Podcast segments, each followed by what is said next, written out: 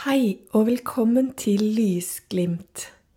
Jeg heter Katerine, og dette er podkasten for deg som liker korte kristne historier. Denne episoden er en julespesial, og dagens historie heter Julestemning. Jeg går nedover en snødekt vei. Det føles som om jeg er midt i et julekort. Snart er det jul.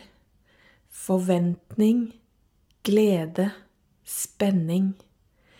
Hvordan vil det bli i år? Det knaker under bena når jeg går. Kram snø. God lyd.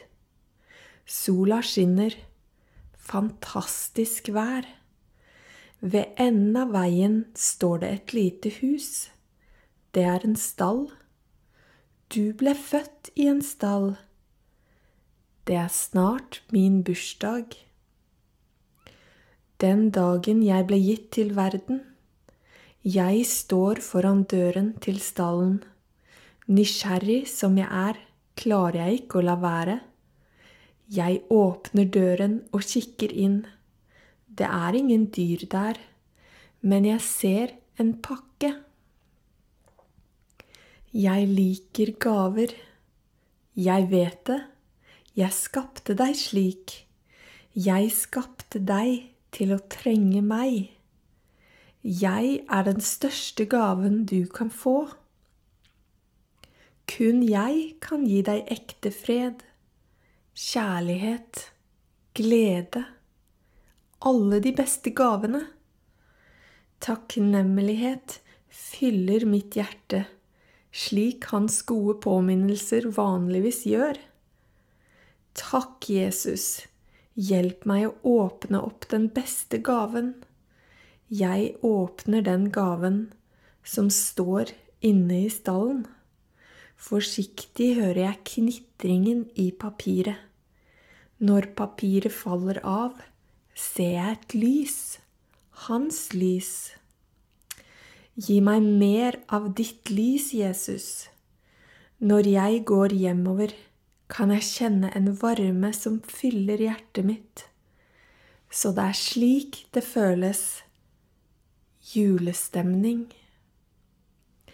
Det var dagens historie.